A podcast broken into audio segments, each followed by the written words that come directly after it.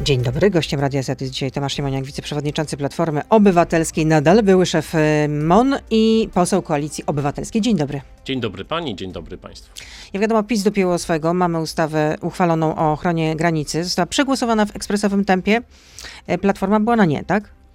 No byliśmy na nie, choć oczywiście jesteśmy za ochroną granicy, natomiast y, mimo takich y, sygnałów, że PiS chce coś robić w porozumieniu, mówię o tym posiedzeniu sprzed kilku tygodni, dzień po takich wstrząsach na granicy, no to się wszystko odbyło tak jak zawsze, to znaczy w ostatniej chwili z wyrzuceniem poprawek opozycji do kosza i z takim groźnym precedensem ustrojowym, bo stan wyjątkowy musiał się skończyć, to konstytucja o tym decyduje i wprowadzono ustawę, która de facto przedłuża ten stan wyjątkowy. Mało tego, Przedłuża ministrowi spraw wewnętrznych daje możliwość wprowadzania stanu wyjątkowego rozporządzeniem, więc... Już pierwsze rozporządzenie jest. Od 1 tak, grudnia no, do 1 marca jest, obowiązuje zakaz przebywania właśnie w, osiem, w 183 miejscowościach przy granicy z Białorusią.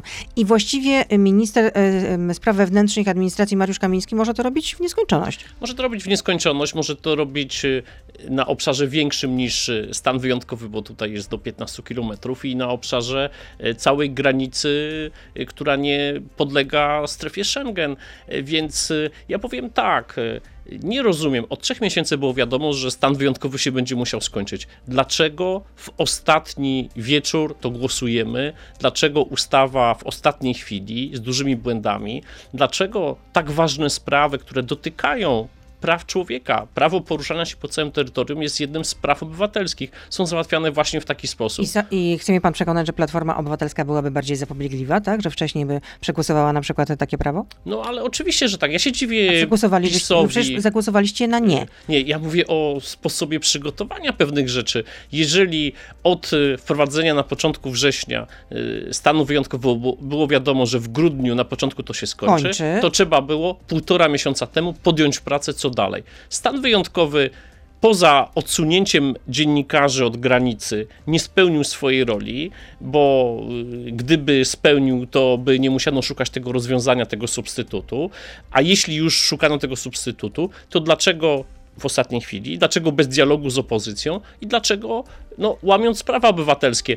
Eksperci są- są senaccy opinie, że- że to- że to mówią, jest niezgodne z jest konstytucją. niezgodne z konstytucją. No ale to w, co w takim sytuacji kończy się stan wyjątkowy, zrobiłaby Platforma Obywatelska? Platforma Obywatelska nie rządzi, więc do takiej sytuacji by nie Ale doprowadziła. gdyby rządziła, Odpowiem panie redaktor, tak, mówiłem to w Sejmie na początku września, więc to, to nie jest taka mądrość po szkodzie. Ten stan wyjątkowy był działaniem nadmiarowym, propagandowym. On ale niczego teraz nie mamy dodał. 1 grudnia 2021 i co w takim razie zrobić? Czy rozumiem, że nie byłoby stanu wyjątkowego, nie byłoby e, Nie. ustawy o ochronie Stan granic? wyjątkowy powinien byłoby- być przeprowadzany. Tak jak do tej pory, znaczy normalnie, że nie było żadnych ograniczeń, jeśli chodzi o strefy przygraniczne. Tak mam to rozumieć? Pani redaktor, s- ograniczenia może wprowadzać wojewoda. Wszelka działalność służb i wojska y, nie ma nic wspólnego ze stanem wyjątkowym. Mogą działać zupełnie na odrębnych zasadach i mogły działać też w sierpniu, zatrzymywać. Była ustawa, y, jest ustawa o ochronie granicy i można budować dowolne płoty, mury, infrastrukturę graniczną. Tutaj ten stan wyjątkowy też niczego nie dał. Przecież ograniczyło to tylko dziennikarzy i NGOsy. Sytuacji nie rozwiązało, jak widać, skoro y, musiano wprowadzić y, nową ustawę i przedłużyć no, de facto w nieskończoność ten stan wyjątkowy na granicy. Więc y, tutaj y, poważne błędy po prostu zostały y, popełnione. Już nie mówię o całym tym aspekcie zaangażowania Unii, NATO, to się dzieje od trzech tygodni, bardzo dobrze, ale gdyby we wrześniu pewne rzeczy inaczej zrobić, y, bylibyśmy w innym No tak, ta, punkcie. ta dyskusja się kończy y, nieustająco i właściwie można powiedzieć, że tak kręcimy się y, wokół własnej osi. Teraz wiadomo, że dziennikarze o, to, czy, znaczy o tym, czy dziennikarze się znajdą na miejscu, czy nie, w tych strefach przygranicznych będzie decydować Straż Graniczna, właściwie komendant Straży Granicznej na miejscu. No i premier mówi, że będzie jakieś centrum medialne na granicy. No to są takie y, pomysły, które, jak sądzę, sami dziennikarze powinni źle przyjmować, jakąś reglamentację. Ja rozumiem, że muszą być pewne zasady poruszania się tam. Tak jak są zasady w strefie konfliktów wojennych, gdzie są dziennikarze i nigdy tutaj żadnych skarg nie było. Sam jak byłem ministrem obrony narodowej, dbaliśmy o to, żeby w Afganistanie byli polscy dziennikarze bardzo różnych redakcji, żeby właśnie ich czytelnicy od nich, nie od różnych służb, wiedzieli, jak wygląda sytuacja. I tak samo tutaj y, wszelkie centra prasowe, no to centrum prasowe można zrobić w Warszawie. Y, chodzi o to, żeby dziennikarze polscy i światowi mieli dostęp do tej sytuacji. Czyli pana zdaniem dziennikarze powinni mieć tam pełną swobodę działania, rozumiem, Nie tak? pełną swobodę, no bo to jest niemożliwe, natomiast y, y, powinni mieć y, pełen dostęp do informacji i do różnych miejsc i sytuacji. No, ale Oczywiście słyszymy, że no mamy dostęp do informacji, no przecież MON Za zgodą- informuje, Straż Graniczna za zgodą komendanta. To oznacza sytuację taką, że jeżeli dany dziennikarz skrytykuje jakieś działanie Straży Granicznej, a, a ludzie są ludźmi, nie zawsze wszyscy działają idealnie, to już na drugi raz tej zgody nie dostanie. To nie jest tak. Ja się bardzo dziwię politykom PiSu, którzy mówią coś takiego, a przecież są filmiki, które robi Straż Graniczna czy wojsko. To jest myślenie kompletnie niedemokratyczne. Demokratyczne. Czasem boli to, co media powiedzą, napiszą, no bo taka jest natura tego świata, ale summa summarum znacznie bardziej to jest opłacalne, jeżeli niezależne media są w różnych sytuacjach. Yy, Bywa to chwilowo nieprzyjemne dla danej władzy, bo nie chce się być skrytykowanym, czy jakąś sytuację chce się ukryć, ale na Ale tym to wszystko polega. Żeby między innymi patrzeć e, e, na, władzy na ręce, no tego też No właśnie, i, i, i tego I zabrakło. Y, Ta, ta poprawka, oczywiście, poprawka Senatu, bardzo rozsądna, y, odpowiedzialna w tej kwestii została y, odrzucona. No i zobaczymy, praktyka pokaże. Rządzący widzą, że było błędem odcięcie mediów, że mogli dziennikarze światowi w totalitarnej Białorusi y, poruszać się i przedstawiać różne informacje, a w Polsce spotykały ich jakieś sytuacje dziwne albo po prostu ich nie dopuszczano.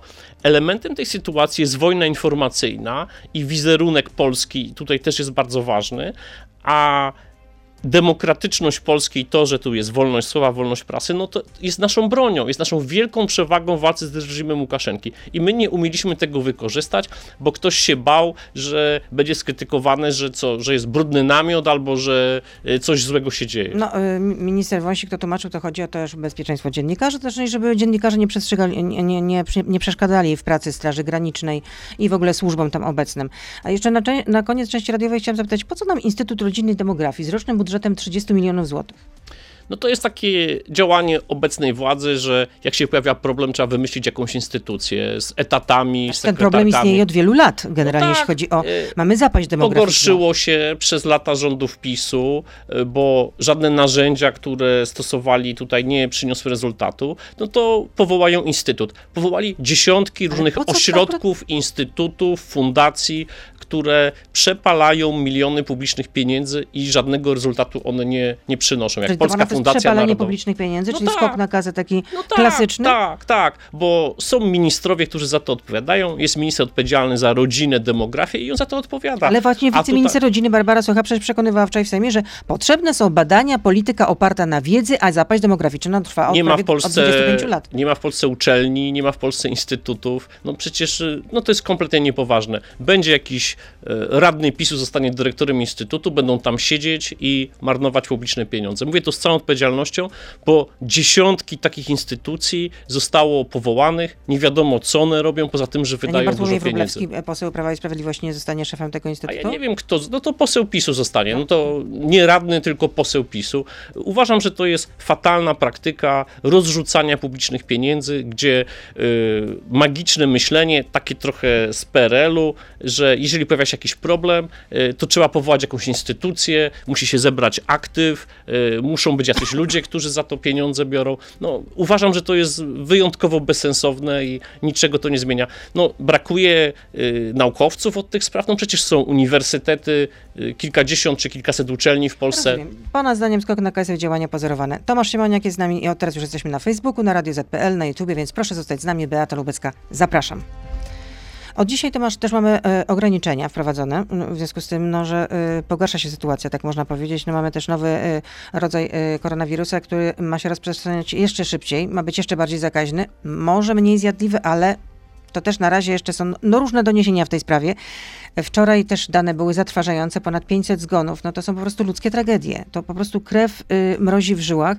No i od dzisiaj obowiązują takie oto ograniczenia, że na przykład w teatrach czy też w kinach będzie tylko 50% zajętej widowni, jak, a nie tak jak do tej pory 75% i że nie dotyczy to osób zaszczepionych. No to jak to weryfikować? Limity mają do, dotyczyć tylko osoby niezaszczepione, a jak weryfikować to, czy ktoś jest zaszczepiony, czy nie? Nie ma przecież podstaw prawnych. Czy rozporządzenie ma być takim, pod, taką podstawą prawną? No nie ma podstaw prawnych. To wszystko jest e, efektem wielkiej słabości rządu, który po pierwsze nie przedstawił żadnej strategii, y, co teraz robimy w tej czwartej fali. Kiedyś sypał strategiami jak z rękawa rok temu. Y, po drugie, y, słabej pozycji politycznej premiera, ministra zdrowia. Minister zdrowia zapowiadał ustawę właśnie o sprawdzaniu certyfikatów przez, Przez pracodawców. pracodawców. Potem się z tego wycofał. Potem ktoś zebrał podpisy w Sejmie. Potem szukano ratunku u opozycji. Więc wydaje mi się, że tu mamy taką sytuację, że ten ten y, rząd jest tak zmęczony po y, półtora roku pandemii, że no, jedzie już na jakichś oparach y, energii politycznej. Zmęczeni to jest... przede wszystkim są Polacy i w ogóle nie tylko no Polacy, tak, ale, całe niestety, społeczeństwa właśnie niestety, na oparach. Niestety to przekłada się na działania tego rządu. Jesteśmy w ogonie, jeśli chodzi o szczepienia. Nie ma żadnych regulacji, które by promowały te szczepienia, czy promowały zaszczepionych. I No to w wprowadza takim razie jak promować właśnie szczepienia? Gdyby Platforma teraz rządziła, ja wiem, pan mi powie, ale my nie rządzimy, teraz rządzi pra Prawo i Sprawiedliwość, ale gdybyście teraz rządzili, Działa. to co byście zrobili, żeby jednak ludzi zachęcać do tego, żeby się zaszczepili? No jednak jest, no, jak widać, duży opór, bo prawie połowa społeczeństwa, czy połowa społeczeństwa nie chce się zaszczepić. Po pierwsze, trzeba by całą walkę z pandemią, a zwłaszcza szczepienia odpolitycznić. Ja byłem zdumiony, że, no, że nie może być tak, że nie powinno być tak, że aktywny polityk, który zabiega o swoją karierę i zajmuje się tysiącem innych rzeczy, zostaje pełnomocnikiem rządu do spraw szczepień. Trochę się tymi szczepieniami zajmował, teraz wyszły kompromitujące go maile, no to go nie ma. Nigdzie nie występuje. No nie, nie przyjmuj zaproszeń do programu. On, on powinien y, codziennie czy co drugi dzień, czy ktoś odpowiedzialny za szczepienia, występować, Rzeczywiście mówić zapadł się ludzie, no tak, no i to jest Dworczyk, pełnomocnik tak, do, spraw, y, do, do spraw szczepień. To dotyczy całej walki z pandemią, która y, przez jakiś czas y, przez polityków PiSu była traktowana jako cytuję premiera, polityczne złoto, że można tutaj pokazać, a teraz już w ogóle nie ma chętnych. Ale to, co Biedny rządziło- minister Niedzielski zostaje sam na, y, na placu boju. Po drugie, Pan współczuje ministrowi Niedzielskiemu, tak? No niesamowite. no, współczuję mu, bo po prostu jest w sytuacji beznadziejnej, nie ma pozycji politycznej, widać, że chciałby jakieś rzeczy podejmować, yy, wisi na poparciu premiera, który i tak jest słaby w swoim ugrupowaniu. Ja, to jest dla mnie niepojęte, że minister zdrowia w takiej sytuacji zgłasza potrzebę ustawy i nie jest w stanie tego nawet przez rząd przeprowadzić. Ja bym się na jego miejscu podał do dymisji. To, to jest po prostu y, kompromitujące. Y, ale co trzeba robić, jeśli chodzi y, o szczepienia?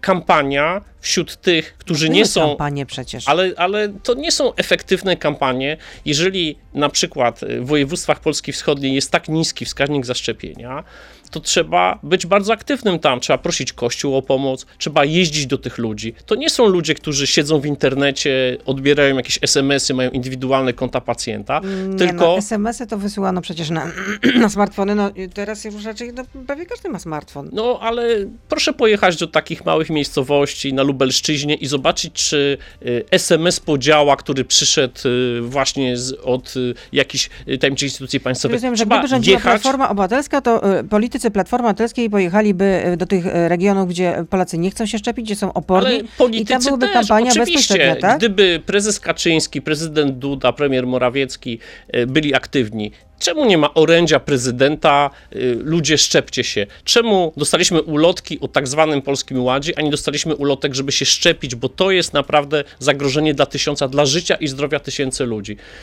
Boją się sam to premier mówi, boją się antyszczepionkowców, mówią o jakimś genie buntu, a każdego dnia kilkaset Polaków umiera. Oni by nie musieli umierać, gdyby y, rząd y, podszedł do No tego, dobrze, jak pana do... zdaniem jeszcze bardziej y, intensywna kampania informacyjna, łącznie z tym, że prezydent również powinien wygłosić orędzie. No ale co jeszcze? No to jeśli dotyczy y, szczepień. Natomiast jeśli chodzi Szczepienia o obowiązkowe samą... nie, tak? Proszę? Szczepienia obowiązkowe absolutnie nie. Nie, to- to dziś byłoby to, sądzę, przeciwskuteczne, by to budowało emocje. Natomiast jeżeli jesteśmy gdzieś Ale pod może, jakaś 60, zachęta, ale może jakaś zachęta finansowa w a takim może razie? zachęta finansowa, takie pomysły też rządowi były zgłaszane. PSL ale zgłosiło. Rząd się boi antyszczepionkowców i jest sparaliżowany strachem, jeżeli miałby jakiekolwiek aktywne działanie tutaj No dobrze, podjąć. to wiemy generalnie, ale w takim razie jaką zaaplikować receptę po prostu, no. Gdy była pierwsza fala pandemii, wtedy służba zdrowia miała prawo być zaskoczona. Ale po półtora roku nie może być tak, że znowu brakuje miejsc w szpitalach, że znowu y, karetki są odsyłane z miejsca na miejsce. Rząd, ogłaszając w lipcu zeszłego roku zwycięstwo z pandemią, słynne wystąpienie premiera w kontekście kampanii wyborczej, y, robił wrażenie, że nigdy już nie wróci ta pandemia czy kolejna fala. I znowu to się wszystko powtarza.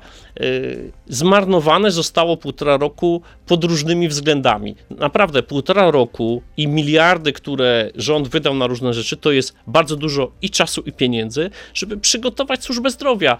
Y, Dziś y, y, już widać, że z pandemią możemy żyć nie miesiące, ale lata i po prostu cały system musi być do tego Dziś znowu są odwoływane operacje, zabiegi tych, którzy nie są chorzy na COVID. Y, To są też wymierne straty. Rzeczywiście no, inne choroby nie czekają, no jak najbardziej tak, no przecież są również chorzy e- onkologicznie i jest masa innych chorób, na, na które Polacy, i nie tylko Polacy, no bo przecież rozumiem, za granicą też przecież ludzie chorują.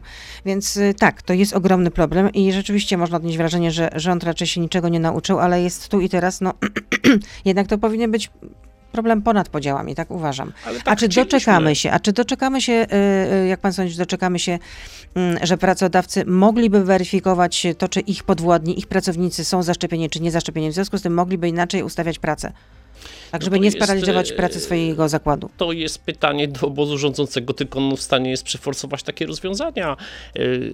Te próby zeszłotygodniowe, zakładam, że z dobrą intencją marszałek Witek chciała tutaj, żeby w Sejmie odbyła się rozmowa, pokazały, że rządzący boją się każdego rozwiązania, które uważają za kontrowersyjne. Wiceminister Kraska y, był y, zlękniony, że przekroczy jakiś tutaj mandat polityczny. Na poniedziałkowym spotkaniu premiera Morawieckiego, które było poświęcone zagrożeniom dla Polski, byłem razem z Borysem Budką i on y, pytał premiera, dlaczego nie może być takiego spotkania w sprawie pandemii. Nie ekspertów, ale właśnie premiera z liderami opozycji, żeby poważnie się zastanowić, co się dzieje i co można zrobić. My jesteśmy gotowi do tego, my jesteśmy otwarci, myśmy przedstawili całą księgę różnych rozwiązań od samego początku dotyczących najpierw testowania, y, potem różnych pomysłów takich merytorycznych dotyczących służby zdrowia, białych szpitali, pomysł y, posła y, Arłukowicza, takich, których nie ma COVID-u i które co, No, i realizują. co premier odpowiedział? Y, Premier y, pokiwał głową, y, atmosfera była koncyliacyjna, pokiwał głową, że też widzi potrzebę takiego spotkania, ale nie wiem, czy takie będzie. Na początku pandemii były trzy spotkania premiera z opozycją, na dwóch z nich byłem obecny i też zostały po trzech zarzucone, tak? Więc Zapa- czyli zapał osłabł. Słomiany zapał. Nie wiem, czy słomiany zapał, górę bierze polityka zawsze, wtedy, pamiętam to dobrze, zaczęła się, zaczęła się bitwa o wybory kopertowe i tak dalej i e, obóz rządzący uznał, że nie ma co już z opozycją e, rozmawiać, a zgoda w sprawach bezpieczeństwa państwa, zdrowia, pewnie jeszcze można kilka rzeczy, kilka ważnych spraw tutaj do tego dołożyć, taki ponadpartyjny dialog jest, jest bezcenny nie dla samopoczucia opozycji, tylko dlatego, że za nią stoją miliony wyborców. Nie i- no, dla dobra obywateli przecież Dokładnie to jest jasne tak. jak słońce. Tomasz Siemoniak jest z nami, wiceprzewodniczący Platformy Obywatelskiej. Wreszcie doczekaliśmy się deklaracji ze strony PO pod hasłem Polska Europejska. To jest ta deklaracja, która miała się ukazać na, z okazji 20-lecia istnienia powstania Platformy Obywatelskiej. Nie, to nie jest y, ta A, deklaracja. czy to, a to jest jakaś forma deklaracji programowej, czy nie? Czy to, No to jest y, deklaracja, która jest y, jakimś efektem y, tej debaty konferencji Przyszłość Europy i jest inicjatywą eurodeputowanych. Ona nie była przez żadne władze Platformy przyjmowana, natomiast jest taką ekspresją tego, co uważamy na temat obecności Polski w Europie. jest taką ekspresją na temat tego, co uważamy w No przyszłości. tak, no nie jest dokumentem przyszłości, na- przyjmowanym przez władze Platformy. No, ale tak. rozumiem, że to ma porwać jakoś Polaków? To ma Polakom pokazać, y, co jest ważne w proeuropejskości Platformy i co jest ważne dzisiaj, gdy w Polsce się to mało śledzi, ale ten rok to jest rok konferencji o przyszłości Europy. One się odbywają we wszystkich krajach. y, Politycy są w nich bardzo aktywni. U nas ten kontekst jest y, takim kontekstem, nie wiem, awantury o Trybunał Sprawiedliwości, o praworządność. Natomiast w Europie ta dyskusja się toczy. Co dalej z Unią Europejską? I to jest nasz wkład też w tę dyskusję. No i w ramach tej deklaracji, ym, y, deklaracji polska-europejska czytamy, że ym, byłyby wskazane, żeby powstał Legion Europejski, czy rozumiem, że taki Europejski Legion Ochotników. To jest to, ten pomysł wcześniejszy Radosława Sikorskiego, to jest właśnie to? Tak, to znaczy tutaj mniejsza o nazwę, no bo tu były nazwy Armia Europejska czy Legion Europejski. Chodzi o to, y, proponujemy to od lat, Radek Sikorski jest takim... I pan by się pod tym podpisał jako Oczywiście, że tak, minister, oczywiście, że tak. Unia Europejska powinna mieć siły kilkutysięczne, które stale są gotowe i A które ten Legion ile można tych wystać. ochotników liczyć? No kilka tysięcy pewnie, to nie ma sensu y, No takiej... i do czego byłby używany w takim razie? Na przykład do ewakuacji z Afganistanu. Y, Tak jak widzieliśmy gorszące sceny, straszne sceny z Kabulu z lotniska, y, wtedy Unia Europejska y, zamiast y, y, kilkanaście państw narodowych, które tutaj nasi żołnierze też pojechali, jakoś się tutaj organizowali w tym chaosie, to po prostu Unia Europejska by wysłała y, dwa tysiące żołnierzy na lotnisko w Kabulu, tak jak Amerykanie to zrobili i obywatele Unii Europejskiej, współpracownicy państw Unii Europejskiej pod ochroną tych żołnierzy byliby ewakuowani. Czyli de facto ten, e, ten Legion Europejski nie byłby tak wyszkolony, żeby na przykład mógł stanąć do walki bezpośredniej, tak? No, do walki muszą stawać dziesiątki czy setki tysięcy ludzi, którzy są w armiach Unii Europejskiej. Chodzi o to i to, ja mówię o dyskusjach ministrów obrony y, sprzed lat, gdy miałem okazję w nich uczestniczyć. Y, Widzieliśmy potrzebę takich sił, które szybką decyzją są przerzucane w jakieś zapalne miejsce, nie wiem, granice Kosowa, Serbii, y, gdzie, tam, gdzie są jakby interesy Unii Europejskiej czy interesy humanitarne, bez y, mozolnego kompletowania żołnierzy z różnych y, krajów. Także ta idea, jak sądzę, jest ideą dobrą i dobrze, że Radek Sikorski w Parlamencie Europejskim głośno tę ideę głosi. Zresztą różne pomysły dotyczące, teraz trwa dyskusja tak zwa, o tak zwanym kompasie Unii, o, wzmacnianiu tej roli obronnej, no jakby y, o tym się rozmawia, także to jest jak najbardziej na czasie i ja myślę, że w tej dekadzie możemy doczekać, czy to się będzie nazywało Legion Europejsko, czy dowolnie inaczej, możemy się doczekać takiego rozwiązania. One też będzie korzystne dla Polski. Ja sobie wyobrażam, że y, polska granica, na której dzieją się jakieś złe rzeczy, też może być takim miejscem, gdzie e, taka grupa by przybyła i ona tak? by, to, to, to nie jest ważne, czy tam jest tysiąc, czy pięć tysięcy, to byłby bardzo poważny sygnał polityczny dla wszystkich, że jeżeli taka, taki Legion Europejski, trzymając się już tego nazewnictwa, dziś się pojawia, to znaczy, że cała Unia Europejska za tym stoi. Oczywiście pół zdania jeszcze. Ważne jest, czy Unia Europejska jest w stanie wspólną politykę zagraniczną prowadzić, bo jeżeli Tutaj taki legion będzie, a pokłócą się państwa członkowskie, czy i gdzie ma być użyty, to to nie ma sensu. A wracając do Platformy, bo miał być 30% w sondażach, taki był plan. No i co się z tym planem stało generalnie? Bo widać, że w sondażach raczej to jest y, pułap nie do osiągnięcia dla Platformy Obywatelskiej po powrocie Donalda Tuska. Plan był taki, żeby mieć drugie miejsce w sondażach, żeby być główną siłą w opozycji. Ten plan został No już wypełniony. 30% rozumiem, że to już nie ma zna- A żadnego przyjdzie znaczenia, tak? 30. A kiedy? No, wtedy, kiedy będzie trzeba, gdy będą wybory, gdy będą się zbliżały wybory. Ja bym oczywiście chciał, żeby sondaże będzie- były jak najwyższe. jaki to będzie plan, żeby te 30% y, jednak mm, wykręcić, mówiąc tak y, kolokwialnie bardzo? No to jest. Ten plan się składa, i nie powiem tutaj niczego odkrywczego, z dwóch elementów. Po pierwsze, recenzowania i pokazania, jak złe są rządy PiSu. I po drugie, propozycji, co później, tak? A I no właśnie, tych propozycji co później to naprawdę trudno czasami od was wydobyć. No.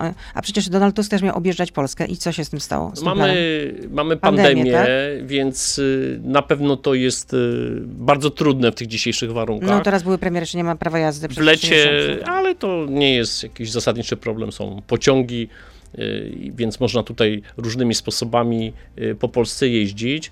Sądzę, że ten czas ofensywy też i takiej, która sprawi, że Donald Tusk będzie we wszystkich województwach, przyjdzie. Dziś jest pandemia, więc sam miałem okazję w zeszłym tygodniu jeździć po południowej Wielkopolsce, spotykać się z ludźmi rozumiem, i widziałem, jak to jest utrudnione, po prostu rozumiem, maski i ograniczenia. Lider Platformy Obywatelskiej będzie objeżdżał kraj, tak?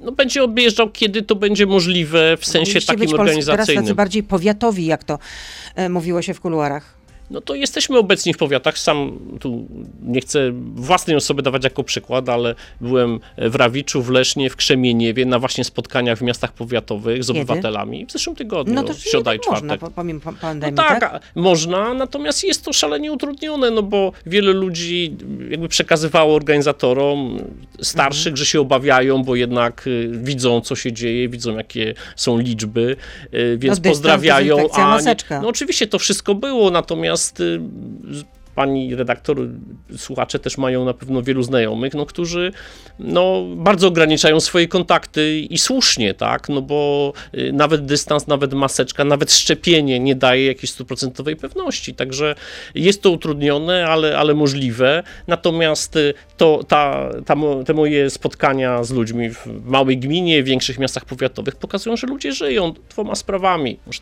trochę zachodnia Polska, to może mniej trochę granicą, pandemia i drożyzna drożyzna. To są, to są tematy absolutnie tak gorące, tak mocne. No bo każdy to widzi w swoim portfelu po prostu, jak tych pieniędzy jest coraz mniej, albo, albo po prostu człowiek idzie, wydaje niewiele, e, znaczy wydaje na przykład 100 e, zł i patrzy, co ja tam kupiłam, czy też kupiłem. No naprawdę, to, no, tak. jak to się mogło stać? No. A czy posłanka Klaudia Jachira szkodzi Koalicji Obywatelskiej? Swoimi niestandardowymi zachowaniami. Czasami. Ma pewnie dobre intencje, ale czasami to źle wychodzi i, y, i myślę, że y, bardziej powinna myśleć o takim zespole, o tym, jaki to ma efekt dla całości, to co robi, y, a, a czasem mamy wrażenie takie, że e, taka indywidualna sława, czy jak to teraz się mówi, liczba lajków tutaj e, bywa, bywa dla niej ważniejsza. Natomiast e, no, trzeba Czyli szanować róż... lancerka niż działanie takie mamy czasami, tak? Takie mamy czasami wrażenie. A Natomiast... to prawda, że ostatnio, na, że wczoraj na posiedzeniu klubu Koalicji Obywatelskiej zawrzało, w związku z tym, że ostatnio pani poseł Jachira zamieściła taki wpis Skądinąd ja uważam, że słuszne. Za ile można zjeść w sejmowej stołówce? No po prostu, przepraszam, no jest taniej niż w barze mlecznym. Kompot, złotówka, kawa, 3 złote, zupa, 3, złowa, 3 złote, drugie danie 12. No, no po prostu żyć i umierać. Lunch 14 złotych.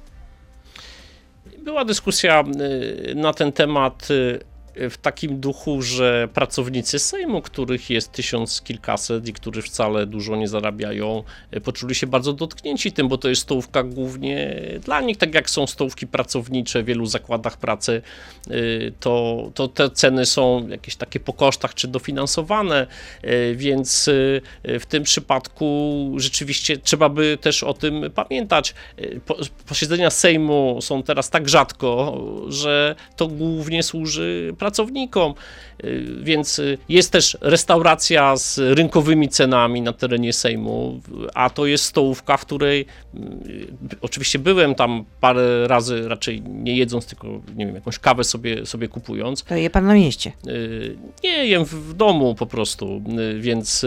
No tak, bo jest pan akurat, mieszka pan w Warszawie, no ale jak posłowie nie mieszkają, na przykład tutaj nie mają, no to gdzieś muszą przecież zjeść, no tak? Tak, więc... No nie gotują sobie raczej w hotelu sejmowym, bo nie ma takiej takie możliwości. Chodzi mi po prostu o to, ja nie jestem za jakimiś tutaj oczywiście przywilejami, natomiast pamiętam historię y, tej, tej stołówki, gdzie ajenci się wycofywali, nie chcieli tak, jej prowadzić. Wracając do pani poseł Jachiry, no. no to w takim razie, no co jej powiedzieliście? No to była, to była taka rzeczywiście, była, że spotkała się z jakimiś... To nie jest jakiś zasadniczy temat, to nie był zasadniczy temat krytyką klubu. Kolegów i koleżanek z Koalicji Obywatelskiej? To żeby czasem zastanawiała się, czy y, nie działa w taki sposób, w którym y, powiem, pokazanie własnej wyższości moralnej na tle ceny kompotu za złotówkę jest zawsze jakby działaniem takim, takim roztropnym. Jak mówię, posłowie, posłanki, którzy się odbywali, to nie są jakieś łasuchy chcące pić kompoty za złotówkę, tylko chodzi o to, żeby nie robić takich burz w szklance wody, nie uderzać w, w pracowników, dla których to jest taka stołówka jak w setkach firm w Polsce, więc myślę, że... Można że... wprowadzić, że tak powiem, no, ceny dla posłów, dla parlamentarzystów i ceny dla Dobrze, niech tak, niech tak będzie. Znaczy, ja, ja, uważam, że to są sprawy, znaczy posiedzenie klubu nie było temu poświęcone, było o innych rzeczach. Czasem jest tak, że właśnie taki temat jakoś tam, jakoś tam wywoła emocje. No wcześniej pani poseł przecież też przerobiła y, słowa roty, tłumacząc dlaczego to zrobiła, y, no ale to też spotkało się z takim no powiedziałabym, krytycznym spojrzeniem. Nawet też senator Krzysztof Brejza, senator Platformy Obywatelskiej, Koalicji Obywatelskiej był przeciw. Stwierdził, że to właściwie jest takie naruszanie pewnych świętości. No tak, tu się zgadzam z senatorem Brejzą. Myślę, że trzeba rozumieć swoją rolę, jak jest się posłanką, no to nie jest się youtuberem, który chce szokować i tak dalej. Jakby sieć jest otwarta i kto chce, może tam robić co chce. Natomiast... Czyli rozumiem, że formę ekspresji pani poseł Jachira powinna jednak trochę powściągnąć, tak? Tak, znaczy powinna się, tak, tak uważam. Znaczy ja jakby cenię takich naszych młodych posłów, którzy y, mają fantazję i próbują różne rzeczy robić, natomiast można wiele rzeczy robić, y, tak powiem, rozsądnie i wyraziście, a niekoniecznie zajmować się kompotem. Przypomnę, Zwłaszcza, że na listach Koalicji Obywatelskiej pani poseł Jachira znalazła się, zanim została posłanką, znalazła się dzięki Grzegorzowi Schetynie. Grzegorz Schetyna i dobrze szukał młodych ludzi. Zawsze się narzeka, że ci sami posłowie, że starsi, że to, że tamto. Więc y, Chciał Schetyna, tak, Lektorat.